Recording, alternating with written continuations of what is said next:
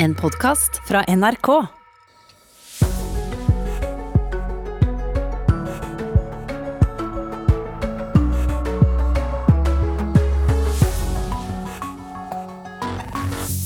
God morgen fra NRK Nyheter, onsdag 4. august. Og enten dagen kommer til å bringe sol eller skygge eller hjemmekontor eller badetur, så inviterer iallfall vi i Nyhetsmorgen til en morgen med forhåpentligvis nytte og glede.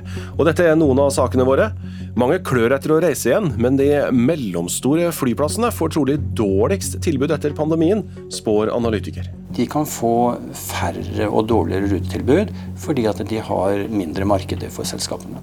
Det er hetebølge i Sør-Europa, både på reisemål og andre steder. Og vi spør om dette er et varsel om vær vi må tilpasse oss til i framtida. Og i OL i Tokyo så er Anders Mohl og Christian Sørum klare for semifinale i sandvolleyball etter to strake sett over en russisk duo. Og så skal du få høre fra Beirut. Ett år etter den katastrofale eksplosjonen. Libanon er på sammenbruddets rand. Navnet mitt er Jon Branes, og vi skal begynne i eh, Tokyo. Der det eh, er slåsskamp for flere semifinaleplasser. OL i håndball for kvinner. Der spiller Norge mot Ungarn, og dette er gullet Norge nesten er forventet å ta. Men det er vinn eller forsvinn. Og Joakim Remvik i NRK Sport, hvordan ligger det an? Jeg ser nå at andre gang akkurat har begynt, men eh, det var en svak start for de norske håndballjentene. Mye tekniske feil, svakt forsvar, og de lå under på et tidspunkt hele 6-3 mot uh, Ungarn. Men uh, derfra så tok altså de norske jentene og snudde om litt i den dårlige perioden, og leda på et tidspunkt 7-0 i den neste perioden etter de lå under 6-3. Da kom Silje Solberg i gang i buret, de begynte å få redninger, kontringer, begynte å sette ballen i mål. men... Uh, det var altså en berg-og-dal-bane. Starta litt dårlig, så tok det over igjen. og så Nærmere pause så var det Ungarn som eh, klarte å redusere. Men i siste spillesekund så får altså Marit Røsberg Jacobsen satt inn 12-10, som da er eh, ja, stillingen til pause. Eh, men i natt norsk tid så var det en annen kvartfinale, og det norske laget gikk videre til semifinale i sandvolleyball for menn. Det gjorde de. Det ble en revansje for Kristian Sørum og Anders Mohl. De tapte jo mot denne russiske duoen i gruppefinalen 2-0 i strake sett mot eh, Lesjukov og Semenov, men nå i kvartfinalen så viste de altså virkelig storhet og vant da 21-17 og 21-19 i strake sett, og det var da Russlands sine første tap. I, de hadde ikke tapt en eneste sett så langt i eh, OL. Og de norske gutta de viste altså veldig, har altså hatt en veldig god formkurve siden starten. Og det var to fornøyde gutter etter kampen. Nei, det var utrolig deilig å få, få revansje på russerne. Eh, det er et bra lag, de er i, i form. Har ikke tapt noen sett hele turneringa. Og, og, de spiller bra i dag òg. Tar lang tid før vi knekker de. Og bare utrolig deilig å slå de i to sett. For et tredje sett hadde blitt tøft. Nei, eh, det er bare enda deiligere å slå de her nå. Eh, og eh, det er så godt å få den revansjen og vise at vi er et bedre lag eh, her, i, her i kvartfinalen. Og, og komme oss videre til medaljekampen. ja, Vi er så glade. Det er helt latterlig. Det var Mol og Sørum som er glad. Hvem møter de i semien, eh, Joakim? Nei, De møter altså den latviske duoen Martins Plavins og Edgars Tux, som da slo ut Brasil i sin kvartfinale. og Det var jo da treneren til Norge, Jetmund Berntsen. og Han håpet da på Latvia, for det er jo et lag de har spilt mot mye og føler de har kontroll på. da. NRK Sport har sendt fra Tokyo hele natt. Eh, Joakim, hva mer kan du plukke fram av høydepunkter? Nei, altså Sett med norske øyne så har det ikke vært eh, de største høydepunktene utenom eh, Anders Mohl og Christian Sørum. Men eh, vi har da Tonje Daffinerud som er i gang i golf, som har fått en helt OK start. Starta med fire bogies, og etter det så fulgte hun opp med to birdies. Hun er på en stigende formkurve også, hun. Men hun er ikke forventa å kjempe i toppen, men hun er da altså i gang med sin turnering. Og så har vi tikjemper Martin Ro, som også er i gang i tikamp.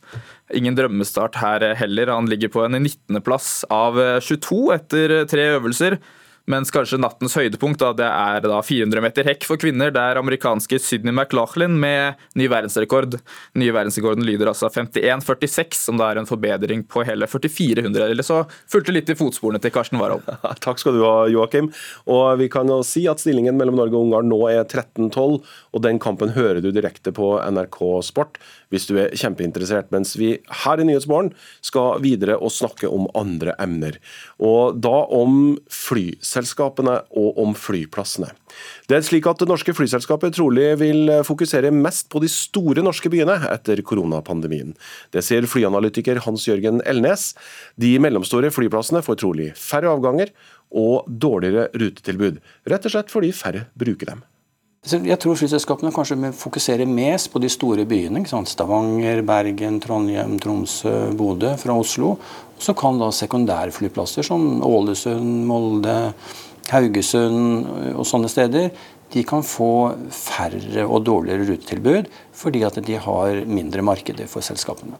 De fleste husker et yrende liv på flyplassene før pandemien. Etter nedstengningen er passasjerene nå på vei tilbake, og ifølge Avinor er passasjertallet nå 50% av nivået på denne tiden i 2019. Ja, nå er det jo to år siden sist, så vi er jo litt nybegynnere igjen. Vi har ikke hatt en flytur på over to år, så dette er den første. Det blir spennende.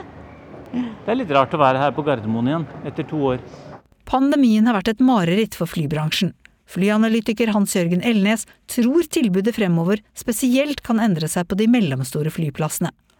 Ålesund, Molde, Haugesund, Kristiansund, Kirkenes, Kristiansand, Alta og Evenes. Først og fremst så tror jeg det at vi vil komme til å se at flyselskapene kommer til å dra ned på kapasiteten sin, og de vil fly på de rutene hvor de tjener penger. Som da går utover destinasjoner som har lavere marked, hvor det blir færre avganger. Mens flytrafikken er i ferd med å ta seg opp igjen, har mye endret seg under pandemien. SAS har sagt opp 5000 ansatte, og Norwegian har også vært gjennom en enorm krise. Før pandemien hadde Norwegian rundt 150 fly, og satset stort. Nå har selskapet 51. Espen Tuman, kommunikasjonsdirektør i Norwegian, ser at landskapet har endret seg. For vår del nå så er det snakk om å bygge opp et uh, selskap og et tilbud som uh, nok vil være ganske likt det folk vil huske fra Norwegian før pandemien. Men det tar litt tid før vi kommer dit. Du vil kanskje merke at der du tidligere kunne velge mellom to, tre, fire eller fem avganger per dag, så vil det nå være færre avganger. Det kan også tenkes at det er noen destinasjoner som selskapene ikke flyr til hver eneste dag. Mens folk tidligere reiste land og strand rundt for å møtes i jobbsammenheng, skjer nå de fleste møter digitalt. Bedrifter NRK har snakket med, forteller at de vil reise mye mindre fremover. For SAS har forretningsreisene vært viktig. Nå blir det flere ferie- og fritidsreisende, sier pressesjef Jon Eckhoff. For SAS sin del så tror vi at eh, det blir eh, færre forretningsreisende og flere fritidsreisende, det som heter leisure. da. Eh, fritidsreisende de tenker litt annerledes enn eh, forretningsreisende. Forretningsreisende vil gjerne ha veldig mange avganger å velge mellom. For fritidsreisende er ikke det så viktig på én rute som de skal til, uansett kanskje om et halvt år. Reporter i dette innslaget var Marit Sirum Eikere.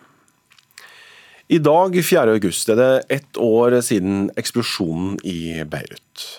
2700 tonn høyeksplosivt materiale eksploderte på havna. 200 mennesker mista livet. 6500 mennesker ble skadet. Og den fra før vanskelige økonomiske situasjonen i Libanon er blitt verre. Kollapsen av valutaen i landet gjør at folk har mista 90% av lønningene sine. Flere soldater og politifolk presses til å slutte i jobben, og mange frykter sikkerhetssituasjonen kan komme helt ut av kontroll. Det jobbes fortsatt med å reparere skadene etter eksplosjonen som rammet Libanon for akkurat ett år siden. Men de økonomiske og politiske problemene har det ikke blitt gjort noe med. Situasjonen har blitt mye verre. So we vi har havnet i denne situasjonen pga. dårlig politisk styring. Det forteller Nasser Yasin. Han er professor i økonomipolitikk ved det amerikanske universitetet i Beirut.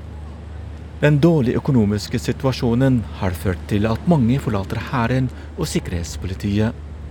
Nå er det frykt for at situasjonen skal gå helt ut av kontroll. Salary of a soldier or a policeman is something like 40 dollars at the moment. This is a loss of 90% of its value. Lønningene til soldatene er nå på rundt 360 norske kroner i måneden. Det kan de ikke leve noe av. Derfor velger en del av dem å slutte for å gjøre noe annet. Nå fryktes det at terrorgrupper vil utnytte situasjonen og ramme Libanon. Libanesere mangler alt nå. Myndighetene klarer ikke å produsere strøm til sin egen befolkning, og folk må stå timevis for å skaffe bensin. Den libanesiske valutaen har for lengst kollapset. Alt er dyrt her nå. Våre lønninger rekker så vidt til mat og drikke. Det forteller Rima fra Beirut til NRK. I sentrum av byen er de fleste butikkene stengte. De som er åpne, er forbeholdt rike libanesere og arabiske turister.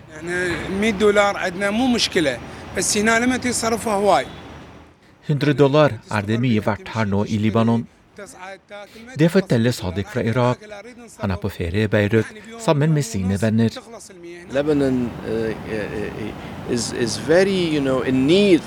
Libanon trenger hjelp fra verdenssamfunnet for å klare seg. Men for å få hjelp må landet kvitte seg med korrupsjon og starte nye reformer. Det forteller professor Nasser Yasin til NRK. Mohammed Al-Ayubi eh, rapporterte fra Beirut, eh, og nå er du kommet eh, hjem igjen. Henger dette landet fortsatt sammen, og på hvilken måte? Egentlig ikke. Det er rett og slett, det fungerer ikke i det hele tatt.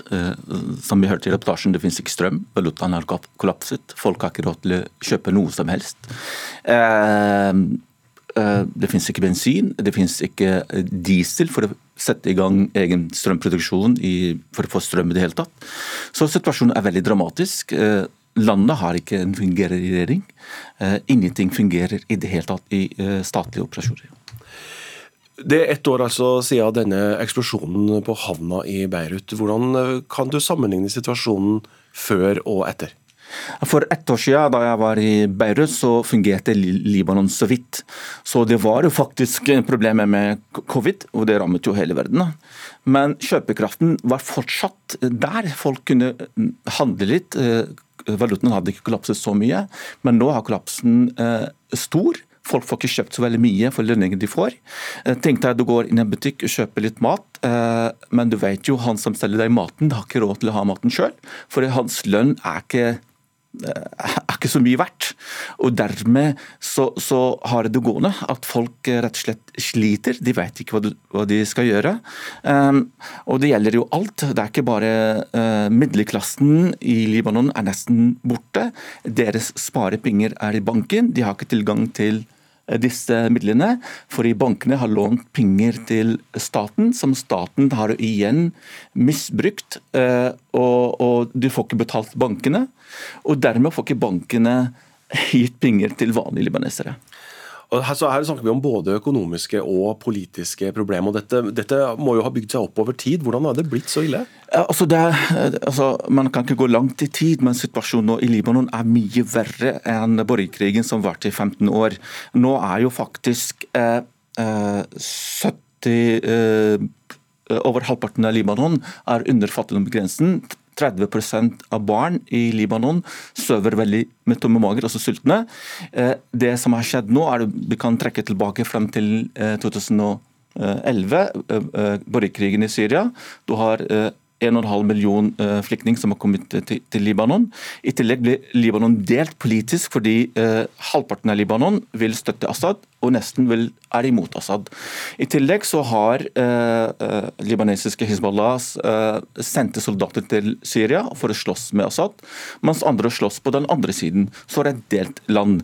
I tillegg så har Hizbollah-milisen kjempet i Jemen og begynte å, å trene opp Hosi-militsen i Jemen og de som begynte å sende raketter og droner over Saudi-Arabia. Det gjorde Saudi-Arabia eh, veldig sinte, Gulfstatene veldig sinte, og det er de hovedsponsorer til Libanon som har støttet dem i mange år. Og Det har ført til altså, at eh, disse menneskene sluttet å investere i Libanon, de sluttet å komme på besøk, og dermed så er store kapitalen i Libanon er borte. Du nevnte så vidt uh, dette med folks lønninger. Du nevnte at uh, han som selger maten i butikken har ikke råd til å kjøpe den eller spise den sjøl. Hvordan overlever folk egentlig? Uh, altså Folk har jo De har sluttet å spise kjøtt. det er så vidt de kjøper kylling. De spiser De kjøper det minst mulig. Og så har noen eh, familiemedlemmer som bor i utlandet, som de sender dem penger til sine familier. Og Sånn sett så, så, så lever de så vidt, men det er ikke nok. Det er liksom Det rekker akkurat. Men det største problemet er jo til høsten, når skolene og universitetene skal begynne. Folk har ikke råd til å f.eks. gå på skole, betale det, det, private sektor for å gå på skole. Hva skjer da? Eh, den offentlige skolen er jo sprengt fra før. Nå kommer høsten, og så skal folk begynne på skole, og folk har ikke råd til å sende sine barn på skolen. Så plutselig så har ikke eh, libanesere råd til å utdanne sine egne barn. Du var inne på det så vidt i innslaget. Forskeren du snakka med sier at uh, Libanon for å overhodet klare å, å, opprettholde landet, trenger støtte fra utlandet. Og som du sier, Gulfstatene er ikke så veldig interessert i å støtte lenger. Hvordan i all verden uh, altså Hvem er det som kan hjelpe Libanon ut av dette? Også libanesere, eh, libanesere må hjelpe seg selv, først og fremst bli kvitt med korrupsjon.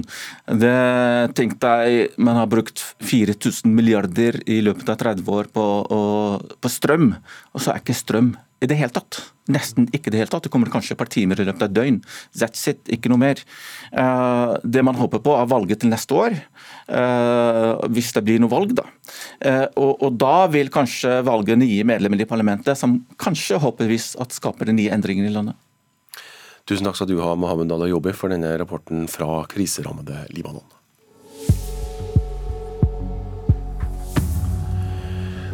Klokka er blitt 7.19. Eh, du hører på NRK Nyhetsmorgen. Flytrafikk i Norge blir annerledes etter koronaen, tror analytiker. Selskapene vil satse mer på storbyene og mindre på de mellomstore. Hetebølgen i Sør-Europa var spådd på forhånd av klimaforskere. Og du skal få bli med på insektjakt på Varangerhalvøya i forskningens tjeneste. Insektene er jo det som driver ekosystemene. Nå skal det handle om eh, at det er varmt eh, der sør. Eh, for så vidt ikke noe nytt, men veldig, veldig varmt, altså. Sørøst-Europa ja, Sørøst-Europa opplever den verste hetebølgen på flere tiår. Temperaturer opp mot 45 grader. Det har bl.a. ført til omfattende skogbranner i Hellas og Tyrkia og Italia. Store områder er ødelagt. En fontene på Syntagmaplassen er redningen for mange besøkende i sentrum av den greske hovedstaden Aten. For fastboende og turister har de siste dagene vært uutholdelig varme. Været er fryktelig. Det er veldig, veldig varmt, sier turisten Richard Pratt fra Spania. Temperaturer på opptil 45 grader har preget store deler av Hellas de siste dagene, og statsministeren karakteriserer situasjonen slik. Vi opplever nå den verste varmebølgen siden 1987. Jeg vil forsikre det greske folk om at vi gjør alt som står i menneskelig makt for å sikre strømforsyningen, sier den greske regjeringssjefen Kyriakos Mitsotakis. Og Arnt Stefansen hadde laget dette innslaget. Med oss i Nyhetsmorgen Tore Furuvik, direktør ved Nansen-senteret og klimaforsker. Eh, aller først, Hvordan vurderer du denne ekstreme hetebølgen sørøst i Europa som vi hører om her? Eh, det vi ser sør i og sørøst i Europa nå, det er jo for så vidt noe som føyer seg inn i et større mønster vi ser. Vi ser at store deler av jorda nå så får vi stadig oftere hetebølger, og veldig ofte kombinert med tørke. Sånn at eh, Det er ikke, det er ikke eksepsjonelt det som vi ser sør i Europa i dag, men det er klart hvis en ser det i sammenheng med den veldige hetebølgen som en har hatt i vest i USA og i Canada, sammen med de veldige hetebølgene som en har hatt f.eks. i Australia de siste årene, så føyer det seg seg inn i det mønsteret som for så vidt klimamodellene har fortalt oss i veldig mange tiår at vi kommer til å få. Altså tørrere, veldig mye mer hetebølger, og kombinert med effekter som skogbranner og problemer med matproduksjon, problemer med vannforsyning og en rekke andre uheldige konsekvenser. Ja, for det er ingen klimaforskere her som er spesielt overraska? Nei, det er ikke overraskende det vi ser nå. du kan si at Det er jo egentlig teori som er blitt praksis. altså Vi har visst om dette veldig lenge, og i år så ser en nå ekstremvær over veldig store deler av verden. og Samtidig som at det blir varmere og tørrere i enkelte områder, så får vi jo òg mer styrtregn når det først kommer nedbør, sånn som vi òg har sett i Europa i år. Men de områdene som rammes av dette, da, vi jo, nå snakker vi om Sørøst-Europa, men Canada, California. Hva vil skje i slike områder framover? Nei, altså Der er klimamodellene og dataene egentlig entydige. Det blir stadig tørrere og det blir stadig varmere. Og vi får stadig oftere sånne ekstreme hetebølger. og det er klart Bare sånn som i nord nordvest-USA og Canada i år, så setter de jo varmerekorder som var fem grader høyere enn det de noensinne før har hatt. Så det er jo helt nytt klima som en er på vei mot. Eh, oss eh, mennesker, da. Vi, altså, vi er jo verken persilleblad eller kakerlakker. Det ligger et sted midt imellom. Eh, hvordan klarer vi å tilpasse oss disse klimaendringene, tror du? Nei, det er klart at uh, en, en, del av klimaendringene klarer en å tilpasse seg. En blir vant, vant, til at det blir varmere, en blir vant til at det kommer mer nedbør. En klarer å, å gjøre en del ting med, med det for å avbøtende tiltak, f.eks. med å bedre drenering i byer osv. Men så er det òg dessverre sånn at en del klimaendringer de er så store og så alvorlige at vi klarer ikke å tilpasse, tilpasse oss. Og Det gjelder særlig den kombinasjonen av tørke og ekstrem varme. altså Vi får rett og slett ørkentilstander og, um, og, det er ikke et klima som menneskene kan leve i. Og så ser vi òg en annen effekt, og det er jo det med stigende havnivå. At uh, deler av verden som i dag har veldig tett befolkning, spesielt disse store elvedeltaene, de vil bli lagt under vann. Og Det betyr klimaflyktninger i, i, veldig mange områder. Og en snakker om mange titalls millioner mennesker som i løpet av dette århundret må flytte på seg rett og slett fordi det blir vanninntrengning og oversvømmelse og ikke lenger mulig å dyrke mat. Eh, hva tror du Tore Furvik, til slutt her, dette vil ha å si for våre politiske valg framover? Det, det, er klart at eh, sånn som det, det ekstremværet som en har hatt i Europa i år, det vil nokså ikke nok så sikkert, det vil uten tvil påvirke politikerne våre. Og det vil påvirke veldig mye mennesker. Så det er klart at eh, jeg tror nok det er lettere for politikerne å ta i bruk hva skal jeg si, det kraftige verktøyet i verktøykassen. Altså ta i bruk eh, skikkelig klimapolitikk. Det vil være lettere nå når en nettopp ser disse store klimakonsekvensene. Og Det samme har en jo sett tidligere, f.eks. i USA med orkanen som ødela New Orleans. altså Det er ofte enkelthendelser som gjør at folk får opp øynene for klimaendringer, som gjør at det blir politisk handling. Tore Furuvik, direktør ved Nansensenteret, klimaforsker, takk for at du var med i Nyhetsmorgen. Nå skal det handle om noe eh, som kan virke litt lite i sammenhengen, men som jo er dyrt og viktig for de det angår, nemlig leiepriser for boliger. Mange av de største byene ser at leieprisene øker kraftig i juli, sammenlignet med i fjor. Og leder i studentorganet Velferdstinget Vest, Helena Haldorsen, hun er rett og slett bekymra. For studentene handler august ofte om studiestart og fadderuke. Men for mange er det også en febrilsk kamp for å finne et sted å bo til en rimelig pris. Vi syns egentlig at det er veldig dumt, fordi at folk trenger et sted å bo. Det sier leder i Velferdstinget Vest, Helena Haldorsen tingen er at Som student så har man i utgangspunktet ikke veldig god råd. Eh, og Da er man jo avhengig av at man kan betale en litt sånn OK leiepris. Ferske tall fra finn.no viser at leieprisene i juli måned har hatt et kraftig hopp i flere av de store byene. Så Trondheim, Bergen og Kristiansand øker mer enn 7 i forhold til juli i fjor. Og i Stavanger ligger prisene 10% over samme måned i fjor. Her er det også lagt ut 15 eh, færre nye annonser, så her har det vært stor konkurranse om leieobjektene. Det sier Jørgen Hellestveit, produktdirektør i Finn Eiendom. Leieprisene er høyest i Oslo, men for juli har utviklingen stagnert sammenlignet med i fjor. Juli i leiemarkedet er alltid en spesiell måned. Eh, da får studentene tildelt studieplasser, og de må snu seg veldig raskt rundt for å finne seg bolig. Halvorsen etterlyser nå at myndighetene setter tydeligere reguleringer og grenser rundt utleiemarkedet. Man ser hvor sårt man trenger en opprydning i boligsektoren og retningslinjer for eh, det private markedet. Jeg synes det er skremmende at boligpolitikken generelt er såpass lite strukturert og ja, rett og slett organisert. Da. Reportere Eirik Hegdal Evensen og Bendik Gran Johnsen, og de lover mer statistikk om leieprisene på nrk.no.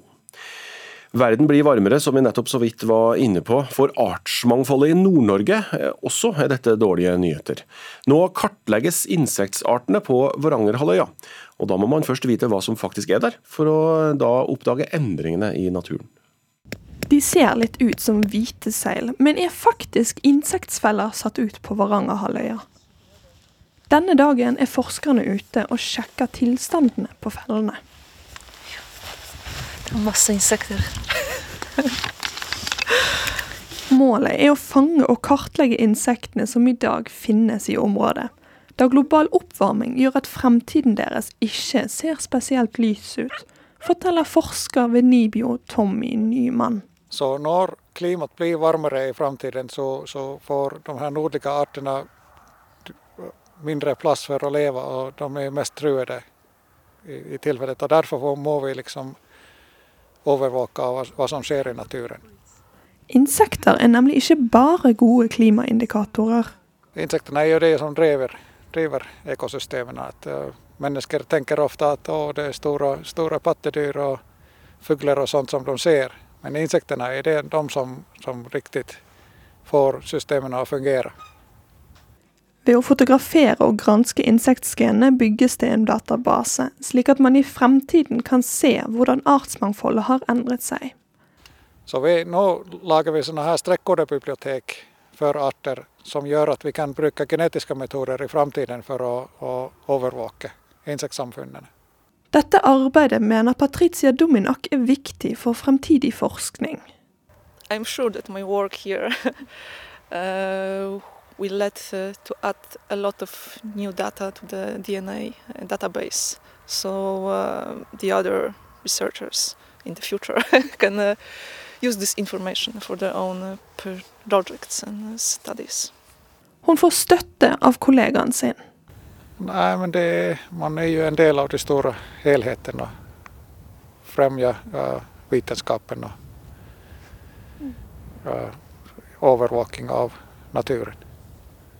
Reporter var Hanne Wilhelms. Etter Dagsnytt som kommer straks, narrelue eller bispelue? Følg med. Lurer du på hva du skal lese i sommer? Sommerpodkastene fra NRK Bok byr på ferske bokanmeldelser og reportasjer og intervjuer fra P2s daglige magasinprogrammer. Tips gjerne en venn om podkasten, og ta en titt på nrk.no anmeldelser for flere bøker.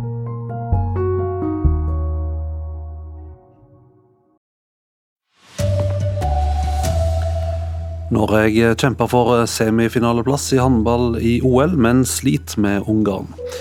De mindre flyplassene får trolig et dårligere flytilbud, tror ekspert. Og leieprisene steg kraftig i mange byer i juli. Her er NRK Dagsnytt klokka 7.30. Ja, nett nå så kjemper Norge for semifinaleplass i OL i håndball for kvinner. Dette er et gull som Norge er store favoritter til å ta, men nå er det altså vinn og eller forsvinn. Til pause så leier Norge med to mål. Hvordan ser det ut nå, Joakim Remvik i NRK Sport? Nei, nå har det vært en litt slurvete andre gang. Det har vært litt skiftende mellom hvem som tar ledelsen. Ungarn leder litt, Norge leder litt. Nå leder vel akkurat nå Norge med to, om jeg ikke så helt feil. Akkurat timeout. Så akkurat nå så ser det veldig bra ut, men det blir tett og jevnt og ser ut til å bli en håndballthriller. Ja, For Norge har kanskje ikke vært på sitt beste i denne kampen? Nei, de har vært slurva mye. Mye tekniske feil og bomma mye og slitt litt i forsvar. Men så har Katrine Lunde kommet inn i mål nå i andre omgang, og da snudde kampen litt for Norge. Det står nå at en sju-åtte minutter av kampen, og det er da utenom timeout og eventuelt andre stopp i spillet. Norge leder nett nå 23-21. Vi skal komme tilbake med resultatet mot slutten av sendinga dersom kampen er ferdig, da. I sandvolleyball i natt så gikk Anders Mohl og Kristian Sørum videre til semifinalen etter å ha slått et um, russisk lag i kvartfinalen. Og i gruppespillet så tapte nordmennene for russerne. Nei, Det var utrolig deilig å få, få revansje på russerne. Og De spiller bra i dag òg, tar lang tid før vi knekker de, og bare utrolig deilig å slå de i to sett. For et tredje sett hadde blitt tøft. Det er så godt å få den revansjen og vise at vi er et bedre lag eh, her, i, her i kvartfinalen, og, og komme oss videre til medaljekampen. Ja, Vi er så glade. Det er helt latterlig. Det sa Mol og Sørum. Joakim Remvik, hva eller hvem er det som nå venter Norge i semifinalen? Nei, Nå møter de altså den latviske duoen Martins Plavins og Edgars Tux, som da slo Brasil i sin kvartfinale. og Da er det de, da, den latviske duoen som Norge møter i semifinalen. Og det var jo da treneren til Norge, Jetmund Berntsen, var håpet på nettopp disse latviske motstanderne. Og så er det flere nordmenn i aksjonen senere i dag, da i sprangridning og slegge. Det stemmer. Vi har rutinerte Geir Gulliksen. Han er vel 61 år, som da er med i sprangridningfinale. Den begynner klokken 12, som du kan høre på NRK Sport. Og så klokken kvart over ett så er det da slegge med Eivind Henriksen. Han eh, slo ny norsk rekord i kvaliken og er en outsider til å ta medalje i OL. Joakim Remvik i NRK Sport, og i håndballkampen mellom Norge og Ungarn så har nå Norge gått opp i ledelsen 24-21 med 4,5 minutter igjen. Flyselskapene vil trolig fokusere mest på de store byene framover, medan de mindre flyplassene trolig får et dårligere tilbud. Det tror flyanalytiker Hans-Jørgen Elnes. Årsaken er rett og slett at færre passasjerer nytter mindre flyplasser. Jeg tror flyselskapene kanskje fokuserer mest på de store byene. Stavanger, Bergen, Trondheim, Tromsø, Bodø fra Oslo. Etter nedstengningen er passasjerene nå på vei tilbake og ifølge Avinor er passasjertallet nå 50% av nivået på denne tiden i 2019. Ja, nå er det jo to år siden sist, så vi er jo litt nybegynnere igjen. Vi har ikke hatt en flytur på over to år, så dette er den første. Det er litt rart å være her på Gardermoen igjen, etter to år. Flyanalytiker Hans-Jørgen Elnes tror tilbudet fremover spesielt kan endre seg på de mellomstore flyplassene. Ålesund, Molde, Haugesund, Kristiansund Kirkenes, Kristiansand, Alta og Evenes. Først og fremst så tror jeg det at vi vil komme til å se at flyselskapene kommer til å dra ned på kapasiteten sin, og de vil fly på de rutene hvor de tjener penger. Som da går utover destinasjoner som har lavere marked, hvor det blir færre avganger. Mens flytrafikken er i ferd med å ta seg opp igjen, har mye endret seg under pandemien. SAS har sagt opp 5000 ansatte, og Norwegian har også vært gjennom en enorm krise. Espen Thuman, kommunikasjonsdirektør i Norwegian, ser at landskapet har endret seg. Du vil kanskje merke at der du tidligere kunne velge mellom to, tre, fire eller fem avganger per dag, så vil det nå være færre avganger. Mens folk tidligere reiste land og strand rundt for å møtes i jobbsammenheng, skjer nå de fleste møter digitalt. For SAS har forretningsreisene vært viktig. Nå blir det flere ferie- og fritidsreisende, sier pressesjef Jon Eckhoff. Fritidsreisende de tenker litt annerledes enn eh, forretningsreisende. Forretningsreisende vil gjerne ha veldig mange avganger å velge mellom. For fritidsreisende er ikke det så viktig på én rute som de skal til, uansett kanskje om et halvt år. Reporter Marit Sirum Eikre. Leieprisene i mange av de største byene gikk kraftig opp i juli, sammenlignet med juli i fjor. Leder i studentorganet Velferdstinget Vest, Helene Haldorsen, er uroa for utviklinga. For studentene handler august ofte om studiestart og fadderuke. Men for mange er det også en febrilsk kamp for å finne et sted å bo til en rimelig pris. Vi syns egentlig at det er veldig dumt, fordi at folk trenger et sted å bo. Det sier leder i Velferdstinget Vest, Helene Haldorsen. Tingen er jo det at Som student så har man i utgangspunktet ikke veldig god råd. Eh, og Da er man jo avhengig av at man kan betale en litt sånn OK leiepris. Ferske tall fra finn.no viser at leieprisene i juli måned har hatt et kraftig hopp i flere av de store byene. Så Trondheim, Bergen og Kristiansand øker mer enn 7 i forhold til juli i fjor. Og i Stavanger ligger nå prisene 10% over samme måned i fjor. Her er det også lagt ut 15 eh, færre nye annonser, så her har det vært stor konkurranse om leieobjektene. Det sier Jørgen Hellestveit, produktdirektør i Finn Eiendom. Leieprisene er høyest i Oslo, men for juli har utviklingen stagnert sammenlignet med i fjor. Juli i leiemarkedet er alltid en spesiell måned. Eh, da får studentene tildelt studieplasser, og de må snu seg veldig raskt rundt for å finne seg bolig. Halvorsen etterlyser nå at myndighetene setter tydeligere reguleringer og grenser rundt utleiemarkedet. Man ser hvor sårt man trenger en opprydning i boligsektoren og retningslinjer for eh, det private markedet. Jeg synes det er skremmende at boligpolitikken generelt er såpass lite strukturert og ja, rett og slett organisert. Da. Reportere Eirik Hegdal Evensen og Bendik Gran Johnsen. Ikke siden 26. mai er det blitt registrert flere koronasmitta på ett døgn enn nå. Det ble registrert 475 nye koronasmitta i går, over 200 flere enn samme dag veka før. I Oslo var tallet 66, 21 over snittet den siste veka. Samtidig ligger tallet på innlagte med covid-19 stabilt lågt. I går var det 19 pasienter, to flere enn dagen før. Det er nå siste innspurt i kvartfinalen mellom Norge og Ungarn i kvartfinalen i, eh, i, OL. Det står at 30 sekunder på klokka. Vi skal høre de siste sekundene på NRK Sport. Eh, viser det. Ja, De skal jo ikke fire, sekunder, fire mål på 20, 20 sekunder. Det gjør det ikke. 15 sekunder igjen. Ruller de ut til høyre kant en spissvinkel. Hun bommer på Katrine Lunde. Og da er det klart. Norge skal spille OL-semifinale. Og vi må bare si arigato til Katrine Lunde, som kommer inn og stenger buret når vi trengte det som mest. Det er ikke en overbevisende forestilling av det norske håndballandslaget. Norge vant altså 26-22 mot Ungarn og er klar for eh, semifinalen. Reaksjoner eh, og intervju kan du høre på NRK Sport. Bålbrenning i skjærgården har blitt et eh, problem i Raet nasjonalpark på Sørlandet. Nasjonalparken eh, stretcher seg over flere kommuner, og skal verne om rullesteins- og svaberglandskap. Marit Sandbo oppdaga at svaberget hadde fått sprekker og skader da hun skulle bade på Ytre Kvenskjær i Tvedestrand forrige helg. Ja, nei, Jeg ble bare utrolig lei meg. Og jeg tenkte jo det at dette lar seg ikke reparere. Det er jo det, dette lar seg ikke rette opp. Det er bare en ny istid og noen titalls tusen år som kan eh, reparere de svabergene. Ytre Kvenskjær er en del av Raen nasjonalpark, som strekker seg langs hele kysten fra Tvedestrand til Grimstad.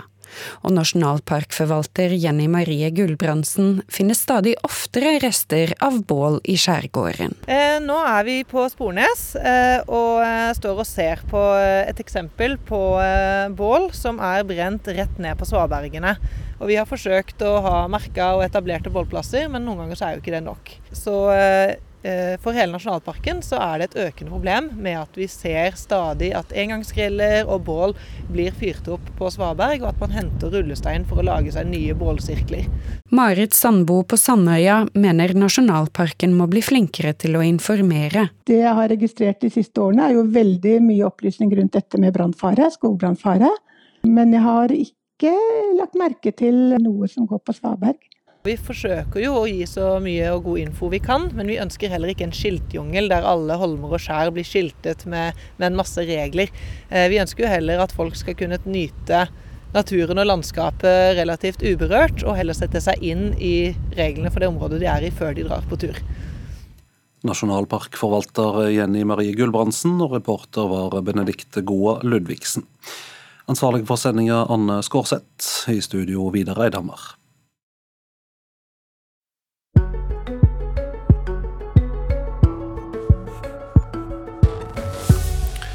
Dette er Nyhetsmorgen. Om fem minutter i Politisk kvarter tar Rilla Sølesvik fram det gamle mottoet by og land. Mann mot mann, eller blir Senterpartiet mot Venstre da, i praksis. Etter klokka åtte hører du bl.a. om at flere unge enn før ringer kontakttelefonen til Røde Kors. Men først sopp. En 35 år gammel mann fra Porsgrunn havna nemlig fire dager på sykehus etter å ha spist en giftig sopp tidligere i sommer. Narrelue er nemlig til forveksling lik sin artsfrende bispelue. Og den er i utgangspunktet spiselig. Eksperter ber folk igjen om ikke å ta noen sjanser hvis de skal spise sopp de har plukka sjøl. I verste fall så kan det faktisk være dødelig. Vi har jo eksempler på folk som har, må gå i dialyse resten av livet. Det sier Arnfinn Ekman, som er leder i Grenland soppforening. Tidligere i sommer ble en 35 år gammel mann fra Porsgrunn forgiftet da han spiste et måltid med det han trodde var en sopp av typen bispelue. Konklusjonen de hadde trukket på sykehuset var at han har spist en eh, sopp som heter eh, narrelue, og som han har forveksla med en matsopp som heter bispelue. Eh, den vokser ofte på litt morken ved. Men den vokser også på skogbunnen og langs stier og, og skogsveier. Mannen som ble forgiftet, måtte ligge på sykehuset Telemark i fire døgn etter at han våknet med store smerter, noe han overfor NRK beskriver som å ha en sementsekk liggende på brystet. Både under sykehusinnleggelsen og i ettertid har han strevd med hukommelsestap og hallusinasjoner. Mannen som ikke ønsker å identifiseres med navn, sier til NRK at han ser på seg selv som en habil sopplukker. At også han tok feil, mener han er et eksempel på hvor nøye man må være ved sortering av spiselig og uspiselig sopp. Ingen av de to soppene er spesielt vanlige, forteller soppekspert Arnfinn Ekman. Det forekommer. Vi har en, eh, en regel der at får vi inn bispelue, så, så vraker vi den på tross av at den er, har status som spiselig. Fordi å skille den fra narrelua, det krever mikroskopering, og det har vi ikke tilgjengelig. Hvor farlig er det? Den har en eh, gift som heter gyrometrin, som også finnes i enkelte morkler og den angriper lever, nyre og også sentralnervesystemet. Så, så, det kan være, har jeg forstått, uh, relativt alvorlig. Ekman anbefaler på det sterkeste at man er 100% sikker før man legger sopp man har plukket på tur på tallerkenen. Han anbefaler heller ikke slik at man googler seg fram om man er usikker, men overlater dette til ekspertene. Kan ikke gjenta det for ofte at man uh, må være 100% sikker. Og det å bruke f.eks. internett for å artsbestemme en sopp, det er litt usikkert. Fordi altså, fargegjengivelser på bilder osv. Det, det kan man ikke stole på. Så er man usikker, så ikke spis det. Og hvis man har mulighet til det, så gå på soppkontroll. Hvert år er det mange som blir usikre på om de kan ha blitt forgiftet etter at de har spist sopp. Det forteller Mette Ekeland, som er seniorrådgiver ved Folkehelseinstituttets giftinformasjon. Det kan være at de har plukka og spist opp, og så føler seg litt dårlig, og så er de kanskje ikke så sikre likevel, siden de ble litt dårlige. Og da hører vi jo litt om hva er det de tenker at de har plukka. Er det noen fallgruber der? Ifølge tall fra Giftinformasjonen er det få som blir alvorlig skadet av giftig sopp i Norge, men at konsekvensene for dem som rammes, de kan være svært alvorlige. Det skjer dessverre nesten hvert år at noen får enten leversvikt eller uh, nyresvikt. Så aller, aller viktigste er gå gjerne ut i skogen og, og lær deg sopp og sånne ting, men ikke spis før du er sikker. Uh, på høsten er det jo også soppkontroller, så ta det gjerne på en soppkontroll uh, før du spiser noe som helst. Sist her hørte du Mette Ekeland i Giftinformasjonen hos Folkehelseinstituttet. Og Mannen som ble forgiftet av denne soppen har kommet til hektene igjen etter en temmelig røff sommer, har vi fått vite. Og Denne fortellingen var eh, fortalt av reporter Nils Skomsvold.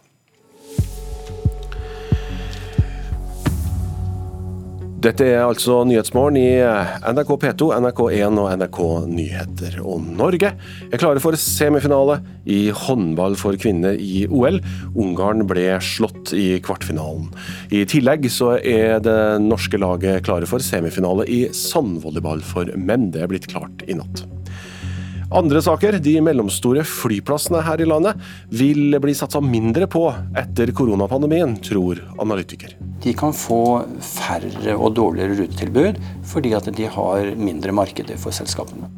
Og etter klokka åtte skal vi høre fra Hellas. Hetebølge og skogbranner preger landet. Men Lilla Sølvesvik nå, programleder for Politisk kvarter.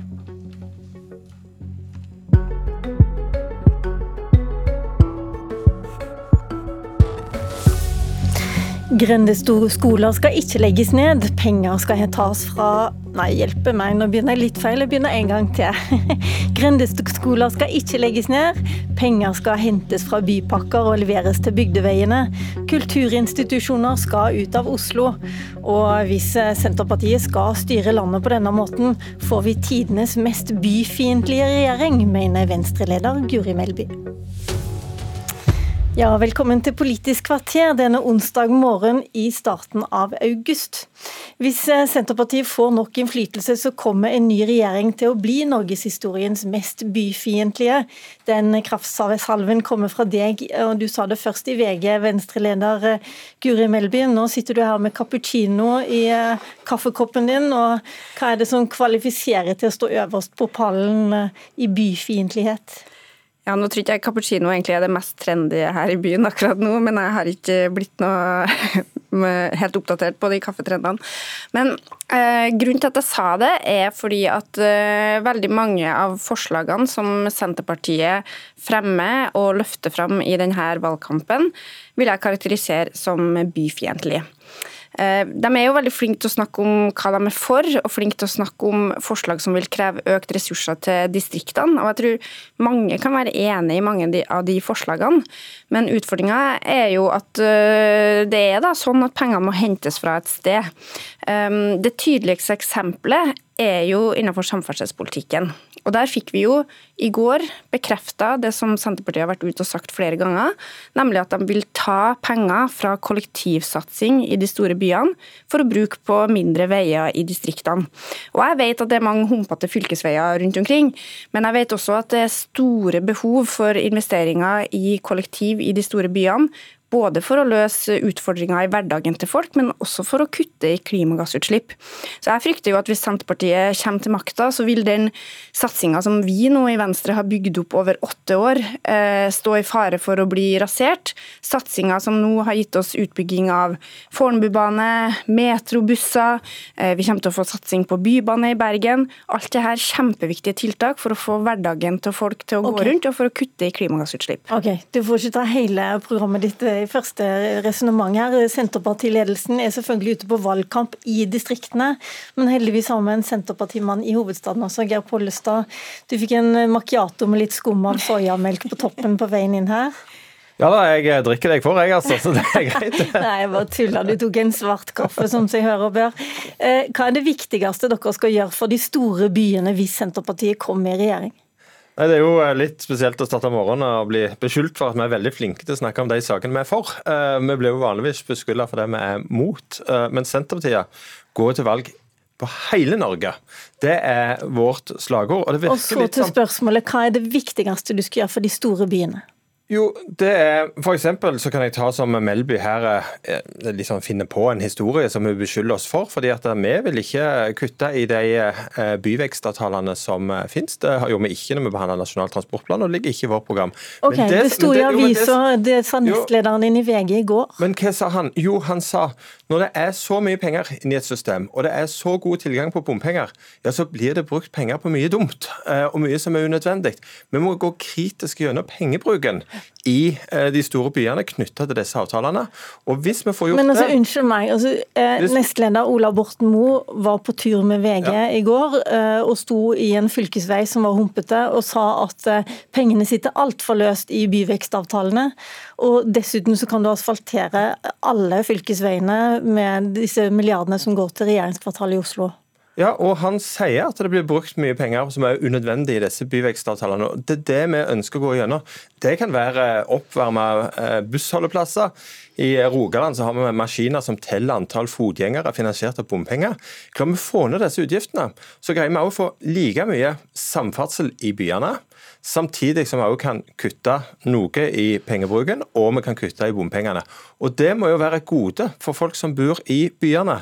Og Det er det vi tar et oppgjør med, den unødvendige pengebruken som er.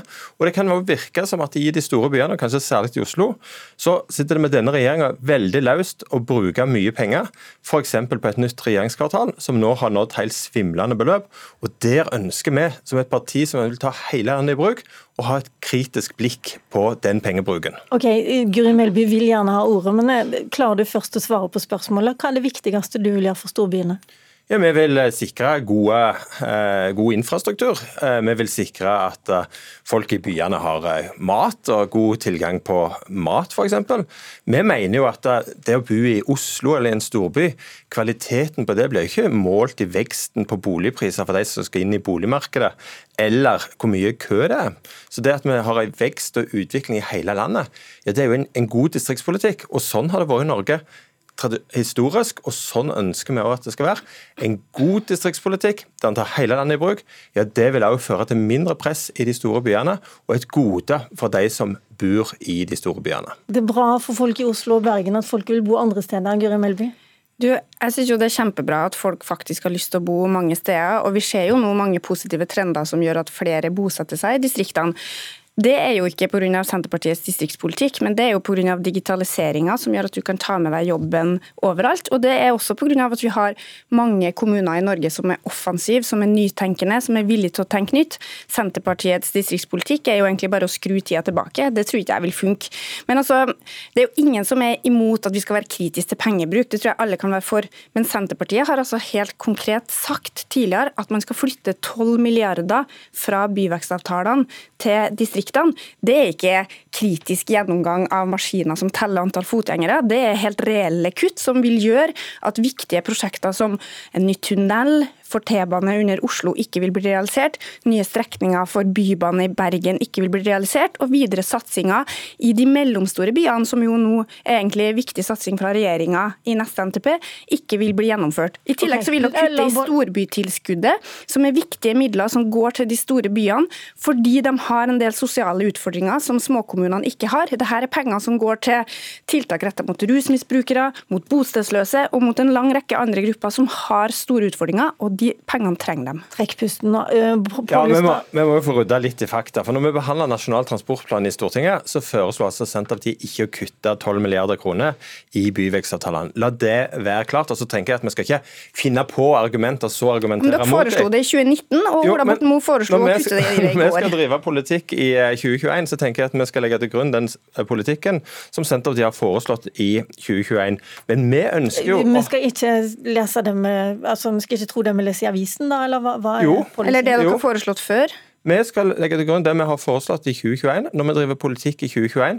Og der har vi ikke kutta i byvekstavtalene i den nasjonale. Vil du, da, ønsker... vil du da avkrefte at dere vil kutte i de byvekstavtalene de neste fire årene? For det vil jeg i så fall synes var kjempebra.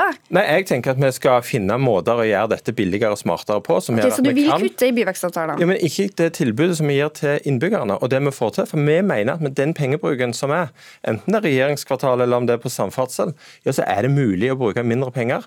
Og da vil vi òg få et like godt tilbud. Og da har vi frigjort ressurser eh, som en kan bruke. F.eks. til å styrke fylkesveinettene. For Det er òg en fordel for folk i byene at det er gode fylkesveier rundt om i hele landet.